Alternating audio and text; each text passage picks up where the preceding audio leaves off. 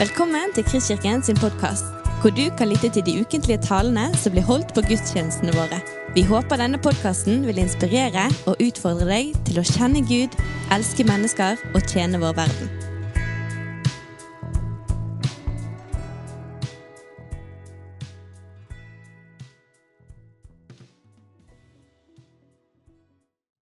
Her i Kristkirken, kan jo starte med å si hva jeg heter for dere som ikke kjenner meg, til Thomas Dalsbø. Eh, En av pastorene her i Kristkirken, og slipper av og til til her oppe. Det er veldig kjekt, uh, syns jeg iallfall. Uh, vi skal fortsette Uh, vi, Mange av dere vet det, vi er jo i Markusevangeliet for tiden. Og uh, vi skal fortsette der i dag. Eh, det er en ganske lang tekst i dag. Det er faktisk hele eh, kapittel 13. Det er en meget innholdsrik eh, tekst også. Eh, så uh, hva skal jeg si? Hold deg fast.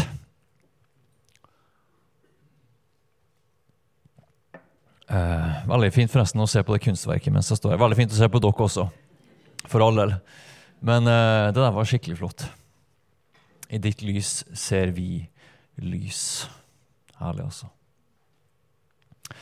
Jeg husker noen, noen historier fra Eller jeg husker noen episoder fra, fra min egen, egen barndom. Da, da var det en gang jeg kom, jeg kom hjem. Eh, jeg husker ikke helt hva jeg kom ifra, eller hva som var settingen. Men, men eh, jeg hørte med en gang når jeg kom inn, at det var ingen hjemme.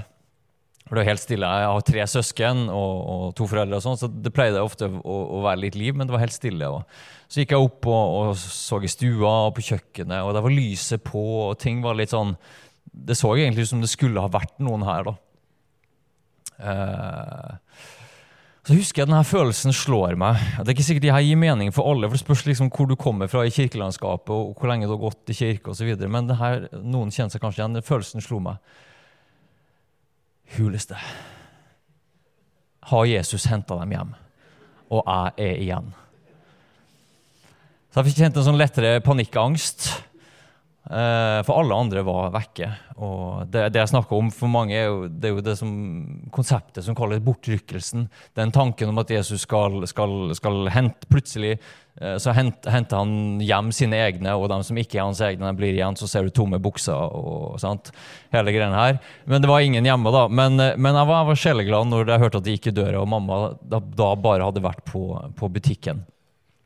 Kanskje noen har lignende opplevelser, jeg vet ikke. Det, og det skjedde noen ganger til også. hvor bare sånn, Er de tatt hjem? Uh, ja. Men du skjønner kanskje at hvis, altså, teksten i dag det handler egentlig om, om en veldig sånn svær overskrift som kalles 'De siste tider'. Endetid, eh, trengselstid, det er masse ord på det. Men, men, men teksten vi, vi, vi, skal inn i dag, der snakker Jesus om det her som, som, som, kan kalles eh, de siste tider, eller som på fint kalles eskatologi. Og det her, det her, det her, den her overskriften, det her, altså, det her, hele det temaet om den, de siste tider har egentlig opptatt mennesker hele veien gjennom historien. Her ser du et bilde av hvordan en eller annen kunstner har sett for seg at det skal se ut den siste dagen, the last judgment. Uh, men opp gjennom historien så er det også folk som har hva skal jeg si, blitt litt sånn overdrevent opptatt av det her. Når kommer Jesus igjen, og hva er det som skal skje, og hva er tegnene, osv. Når jeg forberedte denne prekenen, så jeg kom så uendelig mange eksempel. Det virker nesten som at hver eneste generasjon tror at de er den siste generasjonen, og, og, og velger liksom å prøve å sette en dato for når Jesus skal komme igjen. da. Uh, men uansett, her, uh, det her kom over. Det var en som heter Edgar Wisenant han trykte opp cirka, med et forlag trykte opp ca. tre millioner eksemplarer av denne pamfletten. Det ble visst en, en, relativt stor sak i USA. Eh, 88 grunner for hvorfor Jesus kommer tilbake i 1988. Eh, vi kan selvfølgelig se tilbake på det og, si at 1988 kom og gikk, og ingenting skjedde. Eh, han publiserte året etterpå da, 89 grunner for at Jesus kom igjen i 1989. Den solgte jo ikke like bra. Uh, så har vi det her eksempelet. Harold Camping han var president for noe som kalles Family Radio i USA. Tydeligvis en, en, en litt stor greie, men han sa det 99,9% sikker på at Jesus kommer igjen i 1994. Så skjedde ikke det. Uh, og han uh, kom da med ny dato, at det skulle skje 21. mai 2011. Her har du en plakat som viser uh, Som da tydeligvis noen hengte opp der, der borte. Som en, er jo en kraftig oppfordring til at dommedag kommer 21. mai, og du bør bli klar. Og Bibelen garanterer det. Eh, noen kjenner kanskje den, den romanserien her. Det er også noe som, som sier noe om hvor, hvor, hvor, lett det her griper måte, oppmerksomheten vår og fantasien vår. Left Behind-serien solgte jo veldig mye til å være på en måte en sånn kristen serie. Var, var, flere av dem her, det er jo mange bøker, var på New York Times bestselgerlisten. Uh, men det sier noe om, om hvor, hvor, hvor, lett det her griper fantasien. Vi kunne fortsatt i hele dag med eksempler opp gjennom historien om folk som har ment at de vet når Jesus kommer igjen, og hva tegn som som skal komme, osv. Men som jeg sa, i dag skal vi se på en av de tekstene fra evangeliet, egentlig den teksten fra evangeliet som er mest kjent for såkalt å snakke om endetid. Eh, den finnes både i Matteus, Lukas og Markus, men vi skal da holde oss til den som er i Markusevangeliet. Det altså det er den lengste monologen Jesus har. Det er hele 37 vers, og Jesus snakker nærmest på innpust og utpust. Det er et veldig dramatisk og apokalyptisk språk som da gjør det at det, det er ikke helt sånn enkelt av og til eller gjennom teksten å skjønne egentlig helt hva, hva Jesus snakker om. Um, og Det gjør også at det er veldig mange tolkninger av denne teksten. Og det gjelder trolig også her i forsamlingen. Så jeg tror nesten at uansett hva jeg kommer til å si i dag, så er det noen som kommer til å være uenig med meg. Eh, men det er også litt av grunnen til at jeg kommer ikke til å ta en sånn vers for vers gjennomgang, for da har vi blitt sittende her lenge til, til du skal ha middagsbesøk hjemme, eller de har kommet til tomt hus. Eh, men jeg skal prøve å si noen ting overordna om hvordan vi forholder oss til sånne tekster på det her på en god måte skal gjøre et argument for det. Være, det og sånn ønsker jeg at vi har det her. Kristian. Det skal prøves, og du skal komme hjem og lese og studere det. Ok, Er det virkelig sånn? Og så har du også lov til å være uenig i det. Men, men jeg har lyst til å snakke litt om, om hvordan vi, vi, forholder oss til sånne tekster da på en god måte. Og Jeg skal gjøre det med å snakke om tre hensyn, eller tre punkter, som jeg vil anbefale Igjen, prøv det, men jeg vil anbefale at du tar med deg når du tolker sånne tekster som det her, og snakker om endetid generelt. Det første, eh, ganske enkelt, det handler om språk. Første gang jeg hørte uttrykket 'break a leg', så skjønte jeg veldig lite. For det, var, det virka som at folk var veldig sånn godsinna når man sa det til hverandre. ja, break a leg, break a leg. Hvorfor liksom sier den andre at han skal brekke foten sin? Så lærte jeg etter hvert at det var jo en sånn, nærmest en sånn lykkeønskning på engelsk. Men det ga jo veldig mening for dem som på en måte var enda mer innenfor det engelske språket og kulturen enn det jeg var på den tiden. Jeg ser for meg at kanskje noe av det samme skjer når det kommer folk Jeg har ikke hørt det eksempelet, men kanskje når det kommer folk herfra som ikke, har en ikke-vestlig bakgrunn, og så vi sier til hverandre sånn Du er jo helt sinnssyk! Sånn? Og det kan egentlig være en veldig sånn, positiv uh, greie. At du har gjort noe som er utrolig bra. Um, men liksom, tar det bokstavelig, så hører kanskje andre personer at, at, du trenger noe helt annet enn, enn en oppmuntring. Da, for å si det sånn.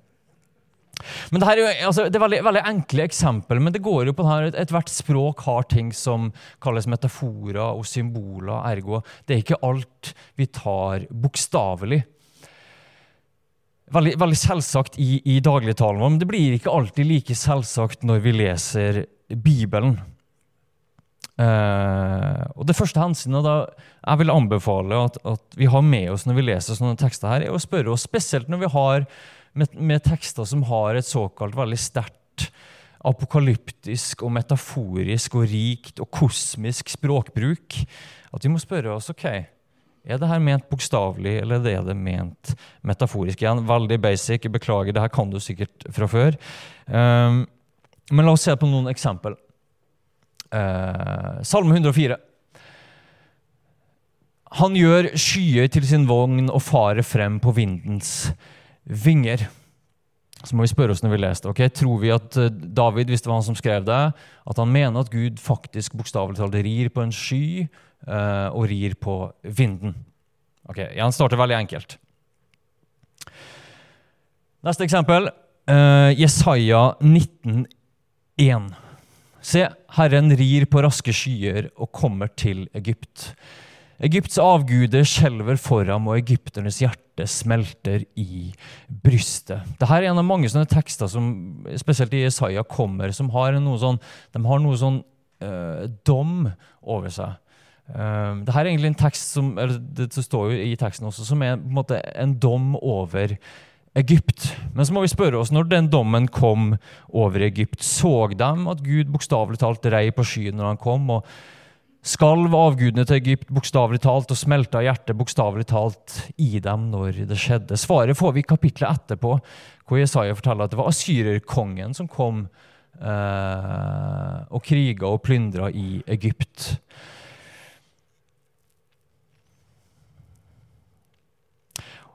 Og da er det eksempelet på at Gud kommer på skyen, en ofte brukt metafor på at Gud dømmer en by eller en nasjon. Men da skjer det ikke gjennom at Gud bokstavelig talt kommer ridende på skyen, men det skjer gjennom en fiendtlig hær, eller ofte gjennom en fiendtlig hær eller en eller annen aktør som Gud bruker. Et eksempel til. Beklager, vi må gå litt fort her, for vi, vi har dårlig tid. Uh, det her er en sånn, en sånn domstekst. altså Oppløst blir hele himmelens Hør på språkbruken her. Oppløst blir hele himmelens hær. Som en bokrur blir, blir, himmelen rullet sammen. Hele dens hær skal visne som løvet på vinstokken visner. Og frukten på fikentreet skrumper inn, for mitt sverd har drukket seg utørst i himmelen. Og nå farer det ned over Edom til dom over folket jeg slår med bann. Veldig dramatisk språkbruk, men igjen en, en, en domstekst over et geografisk sted. Uh, altså Edom. Um, og så må vi spørre oss ok, det vet vi for så vidt nå, da, at, at hele himmelens hær eh, ble ikke oppløst når det skjedde. Og himmelen ble ikke rulla sammen som en bokrull, men det beskriver noe av dramatikken ved den lokale hendelsen.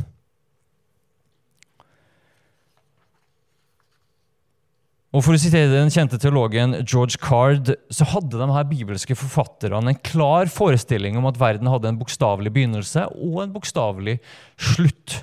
Men samtidig så brukte de også såkalt verdens endespråk på hendelser som de visste ikke var verdens ende.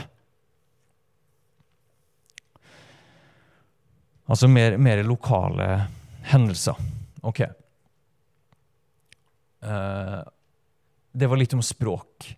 At vi tar det hensynet med oss når vi, når vi leser eh, såkalte apokalyptiske eller, eller, eller, endetidstekster som er, er, symboltunge. Det er veldig mye som foregår av metaforer og billedbruk som ikke vi har nærhet til i utgangspunktet.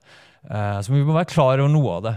Så språk er én ting. Altså, hvor bokstavelig kan, kan, kan, vi ta det her? Neste hensynet har med kontekst å gjøre. Uh, igjen så, så, vet vi det her fra dagliglivet. Altså, altså hvis du hører at noen, noen, sier til deg, du har så gjerne sagt til noen andre ja, men det der er jo tatt helt ut av sin sammenheng, så er jo det et uttrykk vi bruker når noe er tatt ut av kontekst. Og Sånn er det også med det bibelske materialet. At de har en tekstlig kontekst Altså det, henger, det, vi leser på ett sted, det henger sammen med det som kom før, og det som kommer etter. Men det er også en historisk kontekst. Hva betydde det vi leser for de opprinnelige tilhørerne? I sin kultur, i sitt språk, med sin historie. Igjen veldig basic, men jeg tror det er viktig, viktig å ha med seg. Så la oss se på litt den tekstlige konteksten til Markus 13. Her er sånn som Markus 13 åpner. Altså, bare for å sette kjapt inn i hva som skjer. Altså, Jesus har ridd inn i Jerusalem. Det er påske. Han har vært i tempelet. Eh, han, har, han, har, på en måte velta, velta bordene og, og, og, og, sagt det her om at dere har gjort min, min, min, fars hus til en røverhule. Han har på en måte uttalt en form for dom over tempelet. Han har også gjort det i lignelser som kommer. Og nå er de på vei ut av tempelet. På vei ut av tempelet så sier en av disiplene Se, mester, for noen steiner og for noen byggverk. For Det var et fantastisk byggverk. Det var, det, var regna som, eller hadde rykte på seg for å være et av verdens underverk. Et helt vanvittig flott byggverk, og som også representerte på en måte hjertet i den jødiske nasjonen og, og, og, og religionen. Eh, så bruker Jesus anledningen til å avsløre ganske sjokkerende informasjon. Ja, Ser du disse storslåtte bygningene? Her skal det ikke bli stein tilbake på stein. Alt skal rives ned. Helt, eh, sjokkerende informasjon. Naturlig nok, sånn, gjerne sånn som jeg og du ville gjort det også, så, så lurer disiplene på senere ok, når skal det her skje?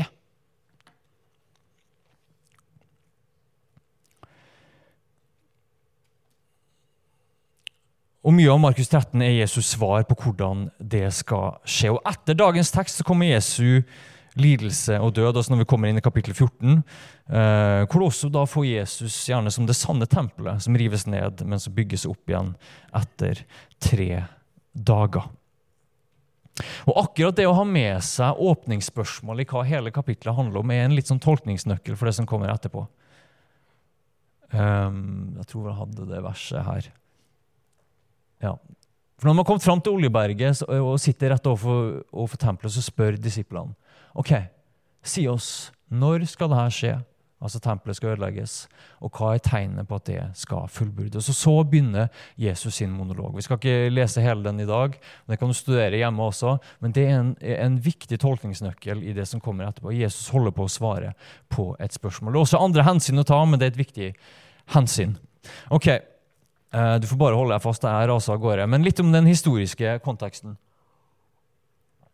For vi, må, vi må, forstå noe den tekstlige konteksten, hva som kommer før, hva som kommer etterpå. Det, eh, altså Her i Markus er det, det, handler mye om tempelet, for å si det veldig enkelt. Um, den historiske konteksten. Jesus snakker om at det er masse tegn som skal komme i denne såkalte trengselstiden. Og han snakker om at Når Jesus begynner sitt svar på når skal dette skje, så begynner han å snakke om tegn. Egentlig så sier han at alle de her tegnene kommer. Eh, det skal komme falske messiaser, det skal komme jordskjelv, det skal komme hungersnød, det skal komme forfølgelse osv. Men ingenting av det er tegn på at enden er kommet, men det er tegn på at på måte, man er i gang. Eh, og Hele Jesus' sin oppfordring er ikke få panikk. Når dere hører om det her, ikke få panikk. Um, og igjen, Jeg skal si litt om den historiske konteksten. Jeg tror en del av Det uh, det er for min mening, jeg tror en del av det som vi leser om, leser om i dette kapitlet, har en historisk oppfyllelse. så Ergo alt er ikke framtid. Så jeg skal snakke litt om det. Josefus er en, av, en, en samtidshistoriker som, som vi, vi, har mye av det her materialet som stammer fra det første århundret. Han er den første historiske kildene som omtaler Jesus utenfor evangeliene. Han refererer til at under den, den jødisk-romerske krigen som varte fra 66 til 70 etter Kristus.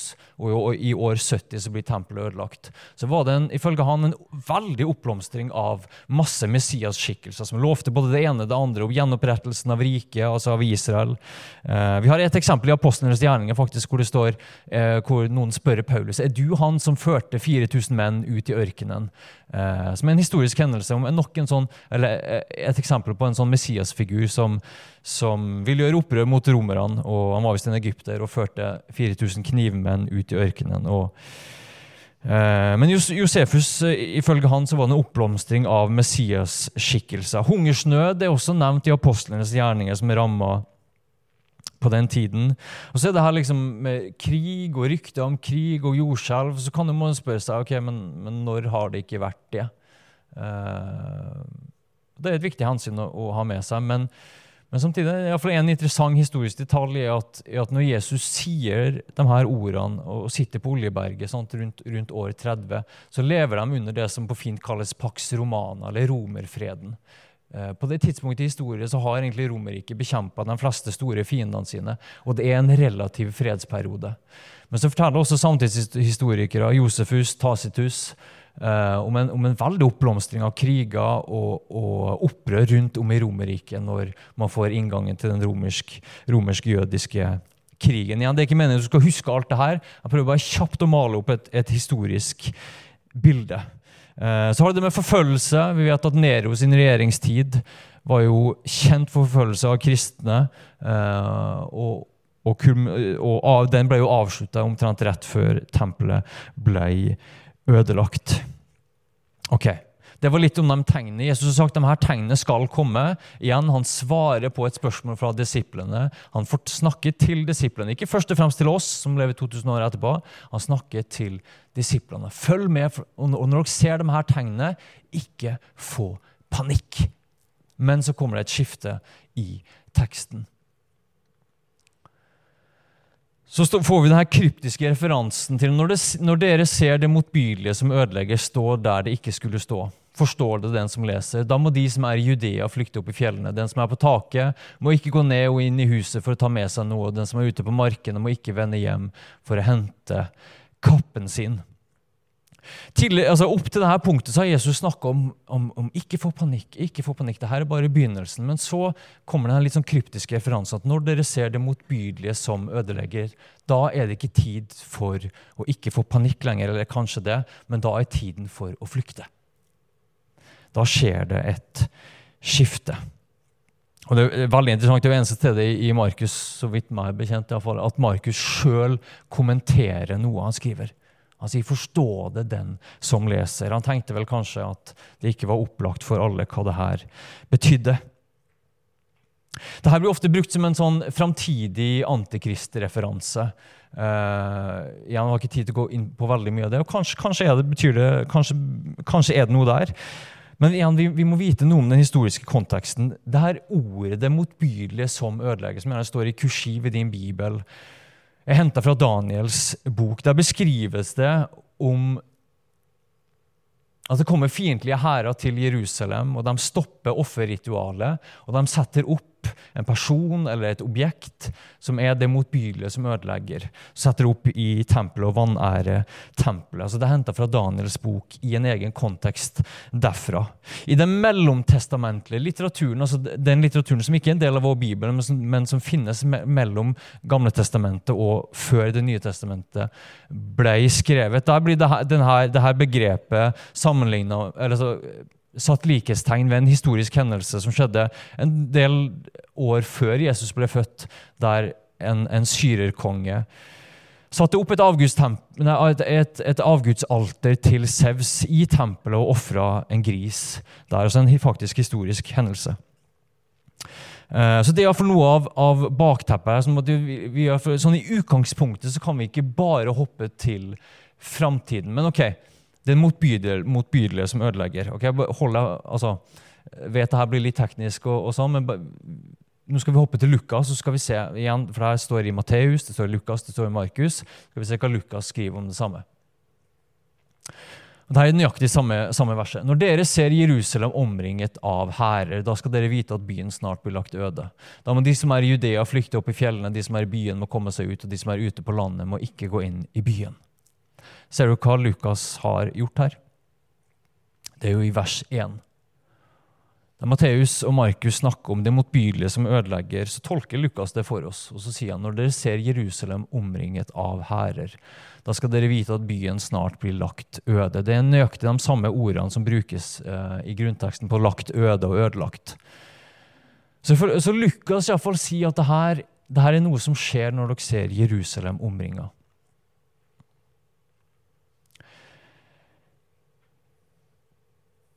Vi vet at Jerusalem ble beleira av romerne i år 70 på våren. Beleiringen var ferdig rundt på høsten. Uh, og Ifølge det Jesus sier, så markerer dette et vendepunkt. Når dere ser Jerusalem omringa, så er det ikke tid for å se etter tegn lenger. Da er det tid for å flykte. For det kommer en katastrofe.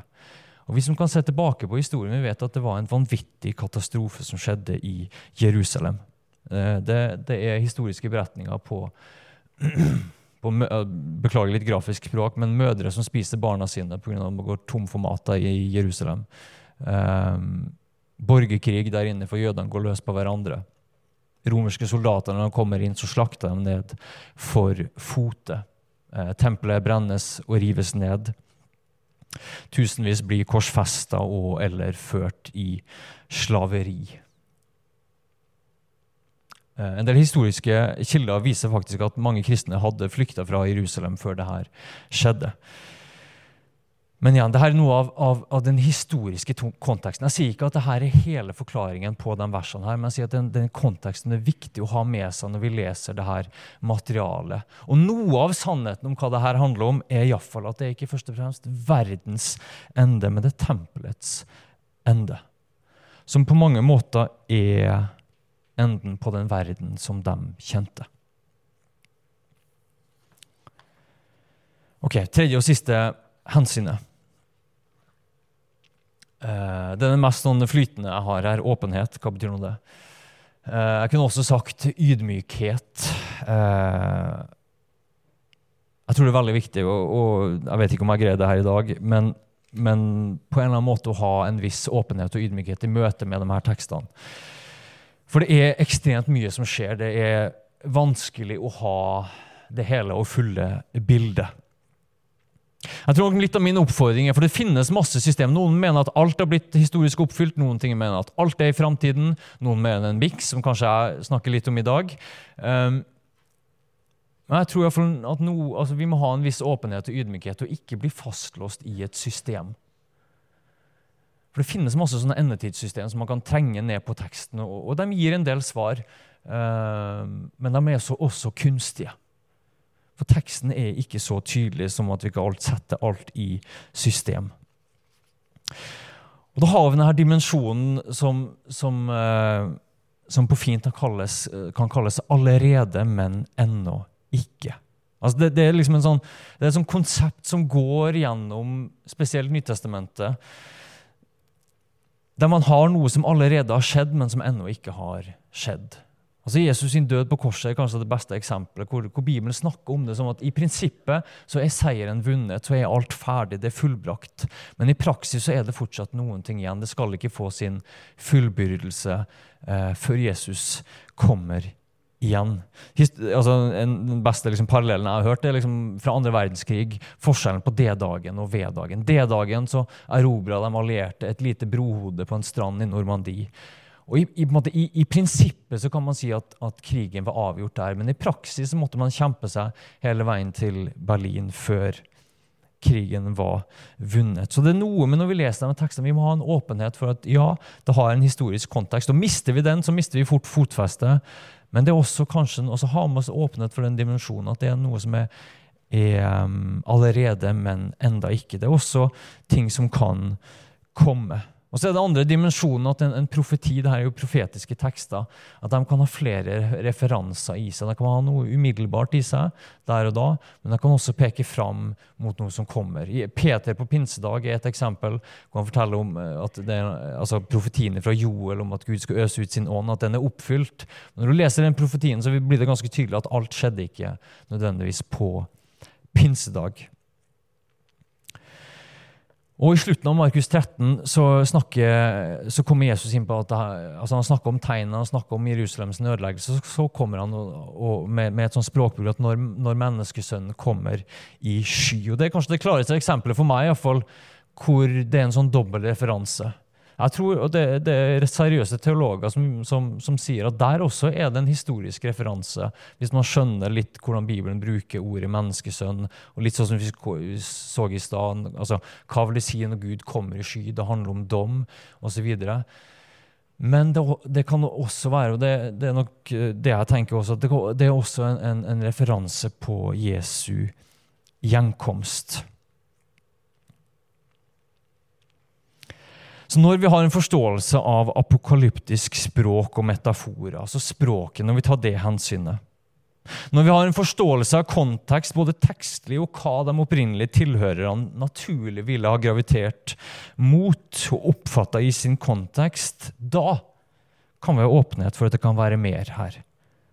Og igjen, det er mer, og, og, og, og, hva vi skal tolke inn det, må gjerne ha samstemme med det som vi finner uh, altså De lange linjene i Bibelen, at det samstemmer med det. Men jeg tror, altså, hvis vi leser de tekstene her litt sånn kjapt og naivt, og håper liksom at alt er framtid, og ikke, ikke stoppe opp og tenke språk, tenke sindig om språk, hva betyr det, og historisk kontekst, det gir oss grunnlaget for å tenke om ok, Ok, Men er det doble referanser? Ok, men Hva sier det her også om tider som kommer?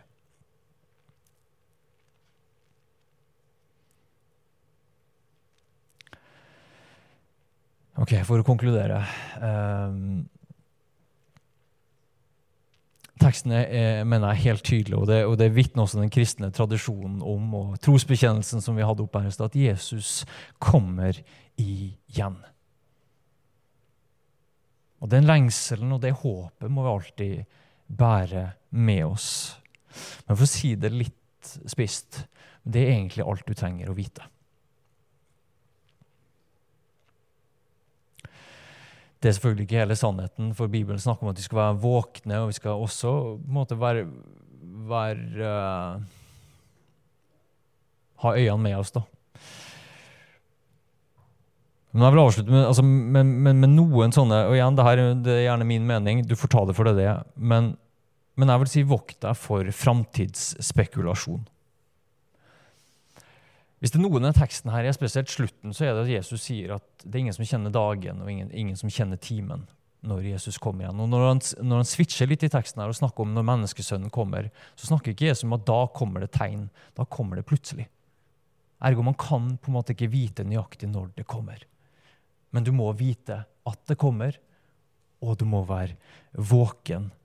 Så En del ganger så, så, så Og det her har jeg faktisk gjort sjøl også. altså prøv en sånn f.eks. å prøve å tolke veldig masse sånne samtidshendelser inn i åpenbaringsboken eller Daniels bok. Se på nyhetsbildet. Sant? Det er veldig spennende, egentlig.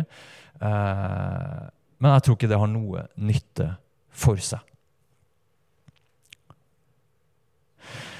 For det er noe med denne framtidsspekulasjonen som er veldig spennende, men det blir fort at det kommer i veien. Og det er mye mer spennende enn f.eks. å elske våre fiender.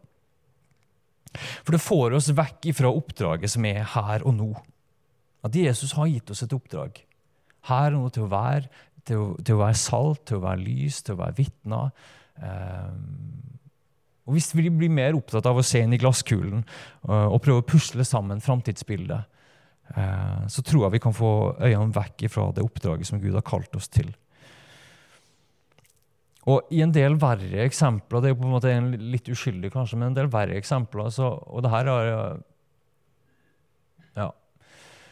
Så kan man, hvis man er veldig opptatt av samtidshendelser, tolke veldig forferdelige nyheter. Altså tolke dårlige nyheter som gode. Uh, F.eks. ved at man, man, man, ser et jordskjelv eller man hører om en krig. eller noe sånt, Og så oppfatter jeg av og til, til da en sånn tendens til at oi, Yes, det må jo være et endetidstegn. Jesus kommer snart igjen. Og så feirer man det som er egentlig forferdelige nyheter om menneskelig lidelse som gode nyheter. Og for meg så blir det noe dypt ukristelig over det. Da har vi mista blikket på oppdraget vårt. Så tror jeg heller at forbildet vårt er denne forbilledlige tjeneren som ikke står og nødvendigvis og speider etter Herren sin. Han vet at Herren kommer, og han vet at han er en forvalter.